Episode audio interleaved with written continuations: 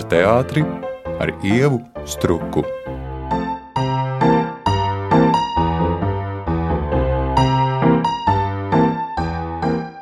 Mans sarunu biedrs šodien Šņurbēniņos ir Nacionālā teātris aktieris Valdemārs Šoriņš, ar kuru mēs strādājam kopā nu, jau diezgan daudzus gadus, bet tādā intervijas formātā satiekamies pirmoreiz. Un, uh, man ir prieks, ka tu esi uzkāpis līdz Šņurbēniņiem. Pagājušajā sezonā runājot ar uh, režisoriem, nu, es viņiem uzdevu jautājumu, vai viņi ir izstaigājuši ņurbēniņus. Lielākā daļa bija Tātad, iesildoties, tev pajautāšu, vai tu esi apguvis Nacionālā teātris šņurbēniņus tā pamatīgi, vai tomēr tā ir tāda tumša, nezināma telpa? Um, es vienreiz tur biju uzkāpis. Pa tām vītņveida kāpnītēm, tur no aktieru zāles augšā. Jā. Es biju iedomājies, ka viņi ir tādi lielāki un plašāki, bet viņi ir tādi piebūvēti, un vairāk tā, tādi koridori un tur tādas slīšanas ir. Bet bēniņi viņi jau vienmēr ir ļoti romantiski. Teiksim, vecās mājās faktiski īsto smaržu tādās lauku vecākās mājās. Sajūta, ka tu uzēji bērniņos, jo tur daudz kas samests, sakrāts. Un bērniņos vispār ir kaut kāda tāda, mm, tāda interesanta atmosfēra, dos noslēpumaini tāda. Bet teātrī tā īstā smarža tomēr uz skatuves? Jā, protams. Tomēr. Bērniņi katrā ziņā man neraisīja nekādas tādas mākslinieckas pārdomas. Drīzāk šņurbēniņi, nu tieši uz skatuves, kur kāp augšā. Jā, tas jā, tur, kur redz visas tās apgaismas iekārtas un, un tā. Bet, ne, nu, protams, nu, teātra naba tā ir skatuve. Es savukārt eh, tevi aicināju uz sarunu kāda cita iemesla dēļ, proti, eh, sākot šo sezonu, Nacionālā teātrī katru gadu dod eh, iekšējās balvas, un tu šogad to saņēmi. Par darbu Edmunds Freiberga iestudētajā izrādē Sarkanais un Melnais, kur tu spēlē ne tikai Stendālu, tātad pašu autoru, bet vēl vairākus tēlus. Un man bija tā iespēja vairākas reizes skatīties un izbaudīt uh, cik smalki var strādāt. Izrādē spēlējot ļoti daudzas lomas un visu laiku viņas tā kā mainot. Jo, protams, ka parasti šādas balvas seko par nezinu, vienas varoņu lomas tēlojumu, ļoti pārliecinošu vai vēl kaut ko šāda veida, bet tu spēlē daudzus tēlus. Vai tu pats esi saskaitījis, cik daudz reižu šīs izrādes laikā tev ir jāpārtop no viena tēla otrā? Nē, es saskaitījis, neesmu. Ja tu man tagad tā saki, man vispār iedod, cik es tur spēlēju. Nu, es saskaitīju, bet tagad kā tev šķiet? Pagaid, saskaitīšu to līdzi. Tātad pats autors, Renāla kungs, viens mūks, otrs mūks un Marķīs pieci.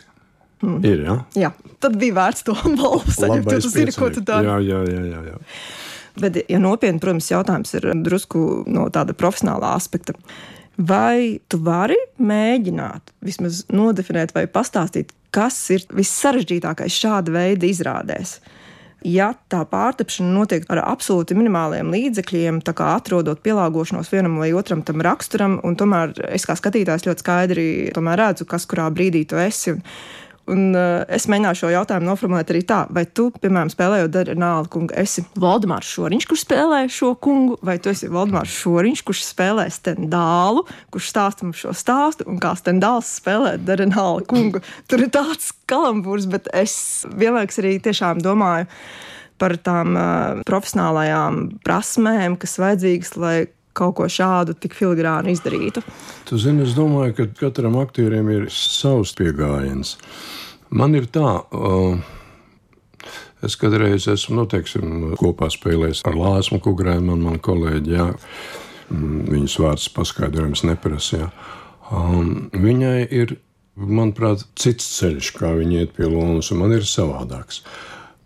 Man ir vieglāk tikt pie tā tēla nevis no iekšpuses, bet man viņš tā kā dzimst blakus. Es viņu Nu, nevis tā mēģina vizualizēt, viņš pats tā kā vizualizējās. Nu, varbūt ne tieši kustības, bet pats galvenais jau šajās lietās ir mēģināt atrast tā tēla domāšanu, un caur to tikai var. Un, ja izdodas to domāšanu, noķert to kodolu, kas vienam, teiksim, tur Renālam viņa iedomība, ja, vienam mūkam tā sirsnība, ja, ka viņš šausmīgi pārdzīvo par to puisi, ja, otrs, atkal, kurš ir ir dzīves malts un viņam ir kaut kāds viedoklis. Marķīs, kurš ir dzīves izlūtināts, kuram vajag kaut kādas izklaides, un viņš meklē tajā jaunajā cilvēkā. Jā. Laika pavadīšana viņam ir interesanti. Jā, viņa neinteresē viņa būtība, jo pēc tam, kad izrādās viņš grib precēt viņa meitu, tad viņš viņu gatavo noslaucīt no zemes virsmas. Nu, lūk, tas ir tas grūtākais. Un ņemot vērā, ka tā pārslēgšanās viņai jānotiek ļoti, ļoti ātri, ja, tur ir tā grūtība, ka tev jāprot ievilkt telpu un momentā iegriezt tādu cilvēku domāšanas slēdzi. Vai tas vienmēr perfekti izdodas? Nedomāju. Vienreiz tas ir precīzāk, vienreiz netik precīzi. Tagad, teiksim, gatavojoties atkal tai pārmēģināšanai, ja es atkal maļos pa tiem koridoriem, ja, un es atrodu daudzas jaunas lietas un jaunas katram tam tēlam, līdz kuram es vēl nebiju nonācis. Jo tas materiāls ir tāds, tur var augt un augt. Tā kā nu, īsi atbildot, jā, tēla, tā cilvēka domāšanā, jā, jo mums nav kāda pat redzēja nekādu grimu, nekādu šausmīgu pārveidojušu kostīmu, jā, un tikai tā. Nu, jā, nu, tā pārsliekšana, jā, nu, tā prasa zinām artistiskumu. Jā. Tas materiāls arī ir pateicīgs tam, jā, ja viņš būtu tāda liela, pamatīga drāma, jā, nu, teiksim, karalis līrs vai kas, nu, tad tā tur nepārslēgsies. Jo tās manas lomas, ko es spēlēju, viņas, nu, viņas ir cilvēciskas, par to nav runa. Ja? Mm, bet viņos tajos tēlos, nu, labi, nu, izņemot tur varbūt Renāla kungam, tur tās greizsirdības problēmas, bet visiem pārējiem šiem cilvēkiem viņi dzīvo savu dzīvi un saskaras ar sorēlu jauno. Ja? Bet mēs neredzam viņus arī nekādos tādos milzīgos dzīves krustceļos vai kaut ko tādu. Ja? Tas eh, drusku atvieglina. Ja katram tam tēlam vēl būtu jāatrod kaut kāds mezgla punkts, kas skatā ar, ar žiliem izšķirtos vai mainītos, tad tas būtu daudz grūtāk un diez vai to varētu izdarīt. Patiesībā, tad, kad ir runa par dramatizējumiem, aktieri pauž eh, nevienmēr, un nevienmēr skaļi, bet tomēr eh, zināma neapmierinātība, ka ir ļoti grūti tādēļ, ka tev, teiksim, nav tā cauruju darbība visā garumā, kur tu tā kā tiešām no punkta A līdz punktam, nezinu, Z noved to savu tēlu. Un vienlaikus, teiksim, skatoties sarkano un melno, tu saproti, ka šīs iebildes var pieņemt, bet tā tad ir iespējams arī risinājums, jo nerodas nu, jautājums, vai tev ir uh, grūti vai viegli to izdarīt, jo tas notiek absolūti organiski. Un tas vienalga, tas ir dramatizējums, kaut arī to ir veidojuši paši arī franču autori šajā gadījumā, nevis režisors. Bet uh, tieši tā, neviens no tiem tēliem netiek no sākuma punkta līdz beigu punktam. Tev ir jāvar momentā ielikt lomā, momentā reaģēt, momentā uz to situāciju ar pārējiem tēliem, pārējiem kolēģiem saspēlēties. Cik tu pats esi saskāries ar to? Šis jau arī gal galā nav pirmais dramatizējums, kur tu spēlē. Vai tā ir aktierim tāda profesionāla rakstura problēma, vai tur ir citi cēloņi šai neapmierinātībai ar to, ka jāspēlē dramatizējumos? Kā tas šķiet? es nezinu.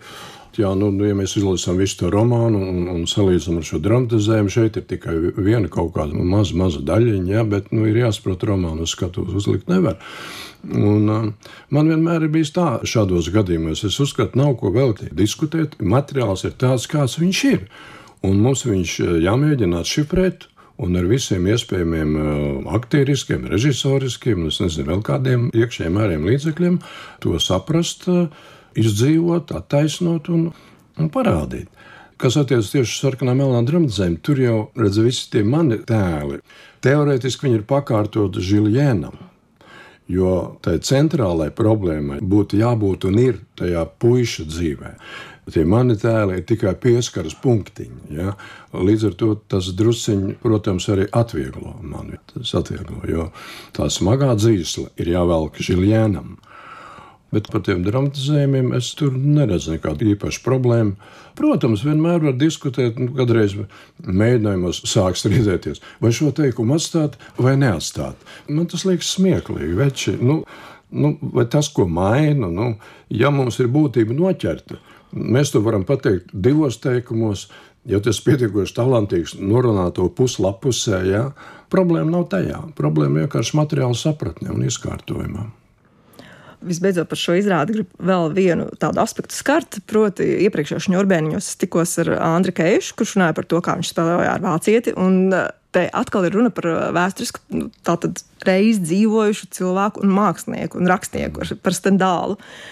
Un uh, to arī spēlēs kā Lūmani, tā teikt, brieduma gados. Nu, Ulmans mums nu, vismaz ir kaut kāds tāds reāls tēls priekšā. Ojārs Vācietis pavisam relatīvi nesena pagātne.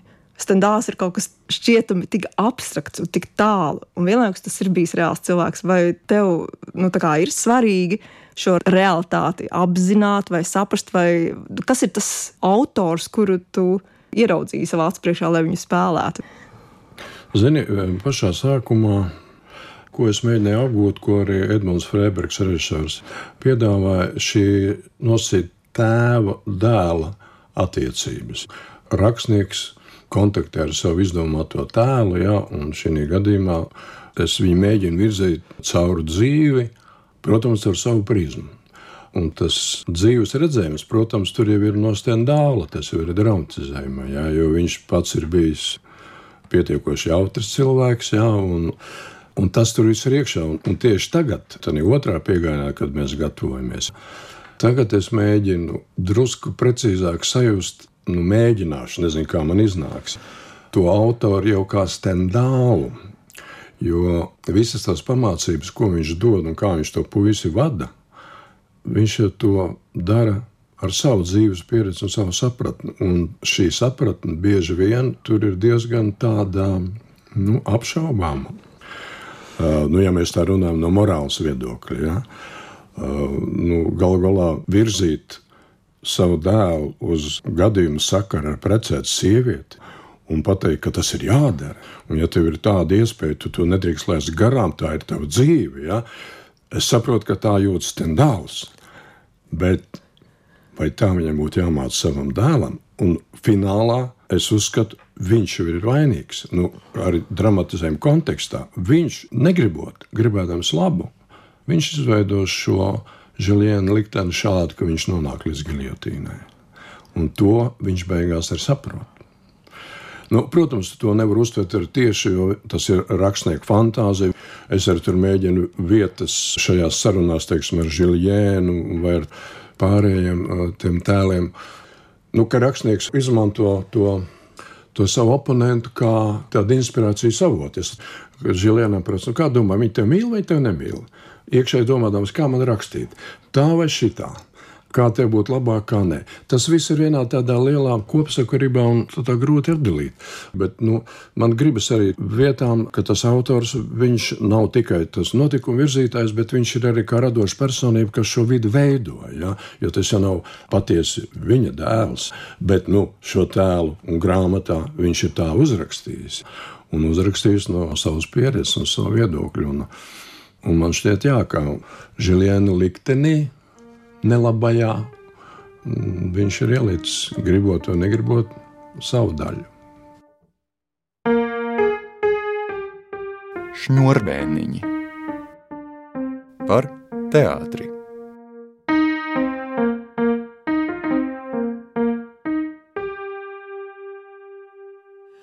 Bet par tām biogrāfiskajām lomām, labi, tas tiešām ir tāls laiks, bet, piemēram, kad spēlējot to pašu Kārlu Lūmanu, vai droši vien ir vēl bijuši kādi piemēri, vai tev kā aktierim ir kaut kāda ne tikai profesionālā, bet arī cilvēciskā atbildība par to, kā caur tevi, tavu nezinu, psihofiziku, tavu augumu, es kā skatītājs ieraudzīšu Kārlu Lūmanu un ko es par viņu domāšu tālāk.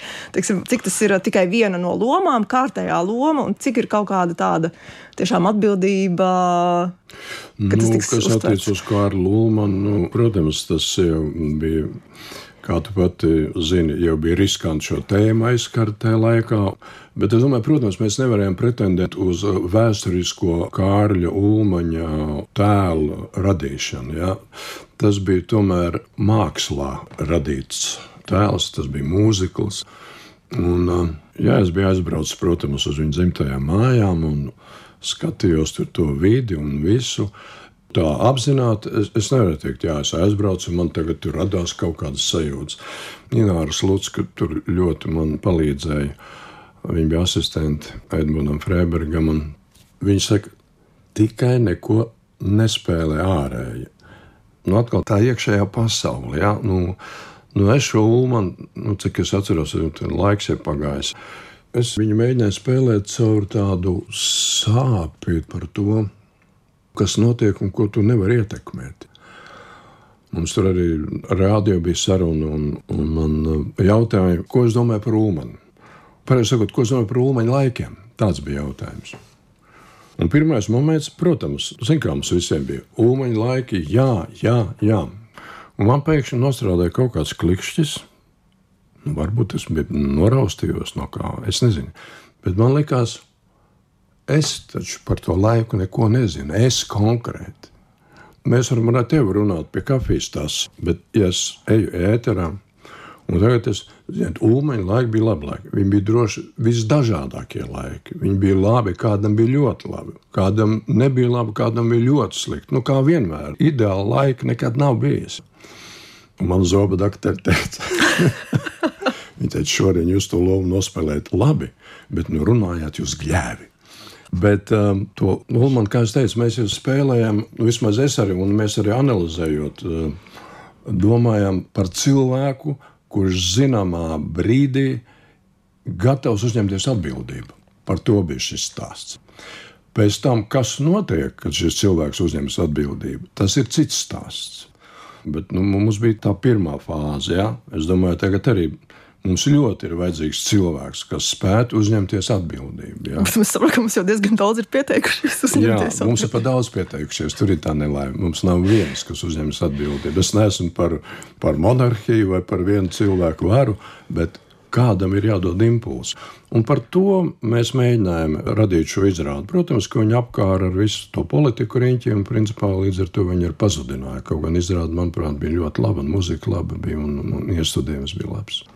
Bet pārējot pie laikiem, par ko es arī tiešām gribēju runāt, jau otra loma, ko tu sagatavoji pagājušā sezonā, kas varbūt nav tik būtiska un liela kā stendāls, bet tomēr ir. Uh, perfektā teikuma nāve, un uh, tur mēs atkal redzēsim cilvēku, kurš ir saistīts ar sistēmu, ar varu, un uh, kaut kādā nozīmē es teiktu, kuram ir mugurā forma, pat ja viņa varbūt fiziski tīra nav. Un, un tad, teiksim, domājot par šo lomu vai šiem laikiem, uh, Nu, jā, es arī atcerējos, svina garšā tevi sēžam vācu ģenerāļu formā. Vispār tās formas tā arī nav ne tu pirmā reize, jo man ir arī tādas no tikai muzikanta atmiņas, kas ir varbūt ļoti senas atmiņas, un varbūt pie tām ilgāk nepakavēties. Bet uh, par šiem laikiem un par cilvēkiem, kuri kalpo savam laikam vai noteiktai sistēmai, kā Tev šķiet, cik iluzori ir tā iespēja, ka runājot par pagātni, šeit gadījumā perfektā teikuma nāve par uh, atmodas laiku, ka mēs varam kā skatītāji vai izrādes veidotāji kopā izdarīt kaut kādus secinājumus un nepieļaut kaut kādas kļūdas. Jo patiesībā tas arī stāsta par Kārlu Ulmani un viņa dzīvi. Jo šādas izrādes top, tas vairāk kārt arī ar Valteru Sīlu strādājis, un tas ir viņa kaut kādā ziņā jājam zirdziņš Bet brīžiem liekas, ka varbūt tās arī ir tāda cīņa ar veidzinām, ka mēs vienmēr turpināsim kāpt uz vieniem tiem pašiem grābekļiem, jo cilvēks nemainās. Vai teātris kaut ko var šajā lietā darīt? Tu kā cilvēks, Nē, kurš spēlējas dažādas? Es, es domāju, ka teātris neko nevar darīt, un es arī nepiekrītu tēzē, ka teātris var mācīt, kā veidot dzīvi vai ko. Teātris varētu mazliet tomēr refleksēt uz to jau, kas notiek. Nu, tā es domāju par tiem padomu laikiem. Es domāju, ka jaunajai paudzei, kas varbūt nu, ir kaut ko dzirdējuši, es pieļauju, ka ļoti daudz vispār neko nezina, kas tas ir. Ja? Un arī mana paudze, jo paldies Dievam, mēs tādā tiešā veidā briesmīgā saskārušies ar to neesam. Nu, mēs dzīvojam tajā laikā. Ja? Um, man liekas, ka uh, mēs uz viņu skatāmies tā kā uz tādu savu veidu romantismu. Tādu, ja. Es diezgan daudz pēdējā laikā skatos sakarā ar Covid, krievu karu filmus. Bet visvairāk man patīk tās, kas ir par pēckaru. Viņam ļoti daudz filmu par to Kremļa dzīvi, par Bēriju, par Staļinu, par iekšējām tām partijas intrigām, par visu to. Ja.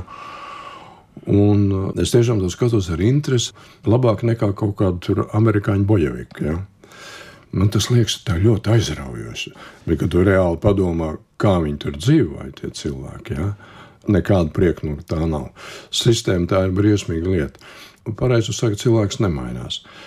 Šādi čekisti bija tad, stukači bija tad, tic man, viņi ir arī tagad, tikai viņi strādā no cita redzes leņķa. Ja, ja mainītos, tu vari atkal būt. Ja, Tāpēc, ka sistēma pati sevi nu, šādā veidā mēģina pasargāt. Un vienmēr atradīsies cilvēki, kas uz to strādās. Un, uh, par to runāt.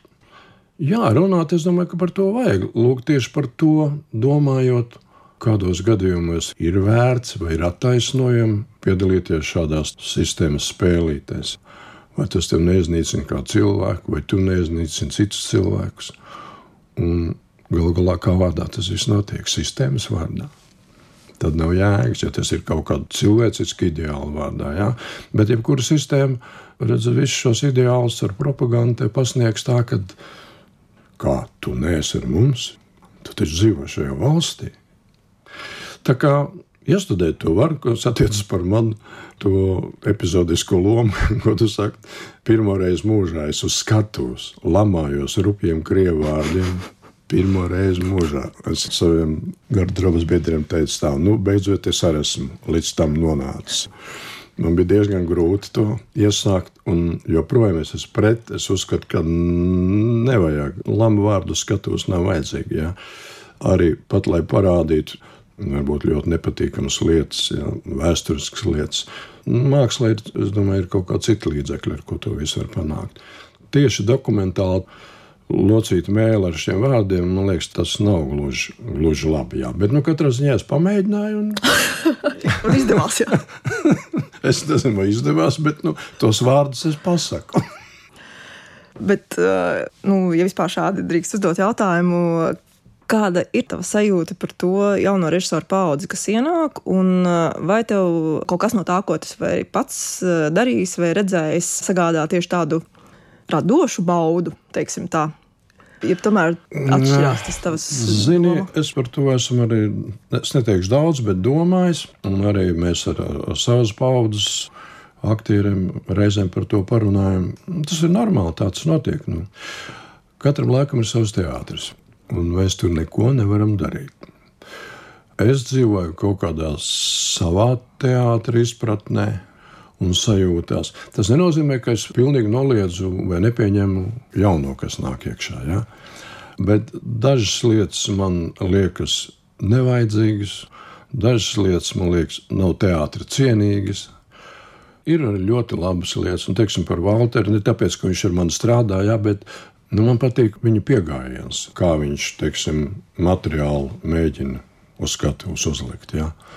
Tomēr caur aktieri. Jo es uzskatu, ka galvenais uz skatuves ir aktieris. Un, ja, ja aktieris pazūd visā pārējā tajā apkārtējā anturāžā, ja, visos video, tad priekš manis tas jā, viņš nav teātris. Viņš ir kas cits. Viņš ir šovs, viņš var būt cirks.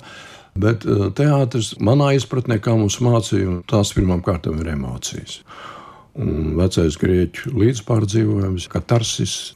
Manuprāt, tas ir teātris pamats. Ja tas nav, Teātris var pārsteigt, jā, bet uh, visi tie lielie jaunradas meklējumi, nu, konkrēti, ko es esmu paskatījies, un es atzīstu, tas ir grandiozi, jā, kā to vispār var dabūt gatavu. Bet tas man nesilda, un priekš manis tā ir problēma. Es vienmēr atceros sevi jaunībā. Pirmā lūga, ko es gribēju iestudēt, Tā bija viena poļu luka, ko mēs atradām, kur viena banda iebrauca vienā mājā. Un tur ārda un izvaro, un man liekas, ka šito vajag. Šis ir tas, par ko jārunā. Kādas ir raiņi, kādas baigiņas. Šis ir tas. Un jaunībai tas ir raksturīgi. Nu, viņiem gribas, jā, un pie tam šis laiks, šis postmodernismu laiks, jā, kad ir svarīgi tas es, es, es. Un es arī saprotu, viņi ir apzināti vai neapzināti baidās pazust. Un tāpēc viņam ir jāpiesaka sev spilgti. Jā. Mums tagad režisori, cik viņi ir, jā. kādreiz mums teātrī, cik viņi bija, divi, trīs. Un, lai tev šajā milzīgajā konvejerā pamanītu, es saprotu, ka ir jākārpās. Vai tas nāk par labu teātrim, to es nezinu. Un vai šī raibā izrāža aina, kas notiek pagarbos, bērniņos, šņurbēniņos, vienalga, kur kā kustība, es domāju, tas ir labi. Labāk cilvēks spēlē teātrī nekā nodarbojas ar kādām citām muļķībām. Ja? Bet vai tas priekš tāda nu, lielā teātrī, ja? teātrī mākslā, kur vajadzētu. Nu, nu, nu, cilvēkam palīdzēt tikt galā, varbūt ne tikt galā, bet uh, rezonēt ar kaut kādiem lieliem jautājumiem, tādiem eksistenciāliem, būtiskiem, jā, ne dokumentāliem.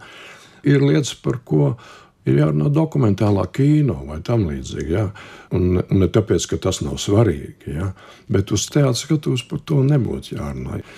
Bet kur ir šīs lielās būtiskās lietas un uzminēt, kas ir šajā laikā būtisks un svarīgs, par ko runāt, un kas nav viendienas moments? Tas ir nav vienkārši. Jo šajā trakajā laikā ieklausīties vispār. Agrāk mums bija viens, visur bija vainīga Maskava. Ah, nu, Maskavas nav.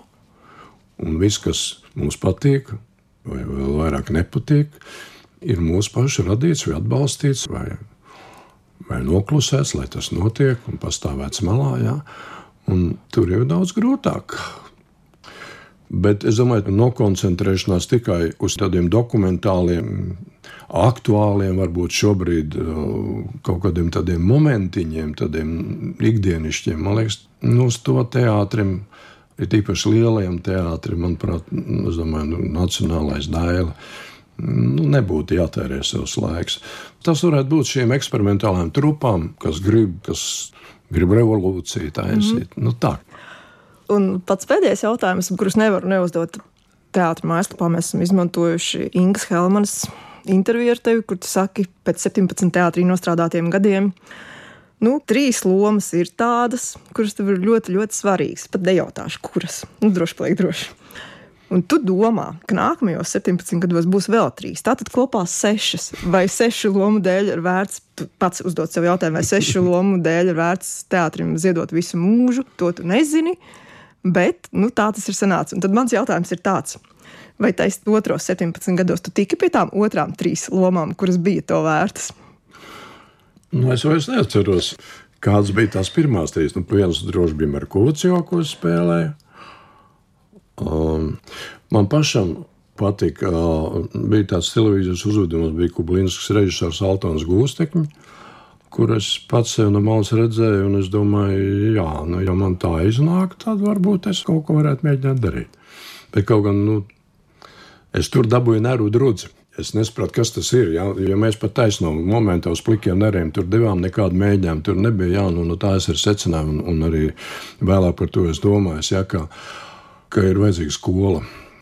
Plēst nervus, emocionāls cilvēks, viņš ļoti grib var, un to daudz var. Bet eh, tā nav aktiera profesija. Aktiera profesija būt skolai, tev ir jāprot jāprot paņemt skatītāju, jāprot, protams, strādāt ar saviem nerviem un savu iekšējo un garīgo pasauli, bet uh, dēļ tā nejukt prātā un nebendēt savu veselību. Tā kā Nē, nē, es par otriem 17 gadiem uh, nemaz neesmu bēdīgs. Man ir bijušas ļoti, ļoti interesantas lietas. Tas pats Ulmanis, un pasties tagad jau pie 70, jā, un ka man vēl tur teātrī, jā, tas jau vispār, jā, es uzskatu, es esmu veiksminieks. Kadreiz vienā kaut kādā savā senā intervijā, es nezinu, no kādiem 40 gadiem, kad es tā kategoriski biju apgalvojis, ka es bez teātra nevaru iedomāties savu dzīvi. Tagad es tā vairs neteiktu. Bet es nevaru noliekt, ka teātris, visa šī atmosfēra, kolektīvs, un, protams, arī tas, ko tur mēs darām, ka tā nebūtu nozīmīga manas dzīves daļa. Un, um, Kādreiz es tā domāju, jā, nu redz, kā tas ir. Nu, nu visādi taču varēja mans liktenis izveidoties. Un tomēr man ir piešķirta šāda iespēja, jā, kad, es, kad es varu darīt to, kas man patīk. Nevienmēr viss izdodas, nevienmēr tas viss ir tik jauki, gludi un patīkami. Nu, nē, esmu nekādas zvēra kalnus tur nu, arī nogāzis, un tā, bet tajā pašā laikā kaut ko man, es domāju, ir izdevies izdarīt arī ārpus teātra. Bet katrā ziņā dzīve kā spēle, tas man ir tuvs. Tas man ir tuvs. Un par to, protams, no 80% ir paldies teātrim. Nu, es savukārt saku paldies tev, ka tu atradi laiku un atnāci līdz šņurbēniņiem. Mēs bijām kopā ar Valdemāru Šoriņu, Nacionālā teātra aktieri, un uh, pie mikrofona biju es, Ieva Struka, un raidījuma producente ir Sandra Ņecvecka. Paldies! Paldies!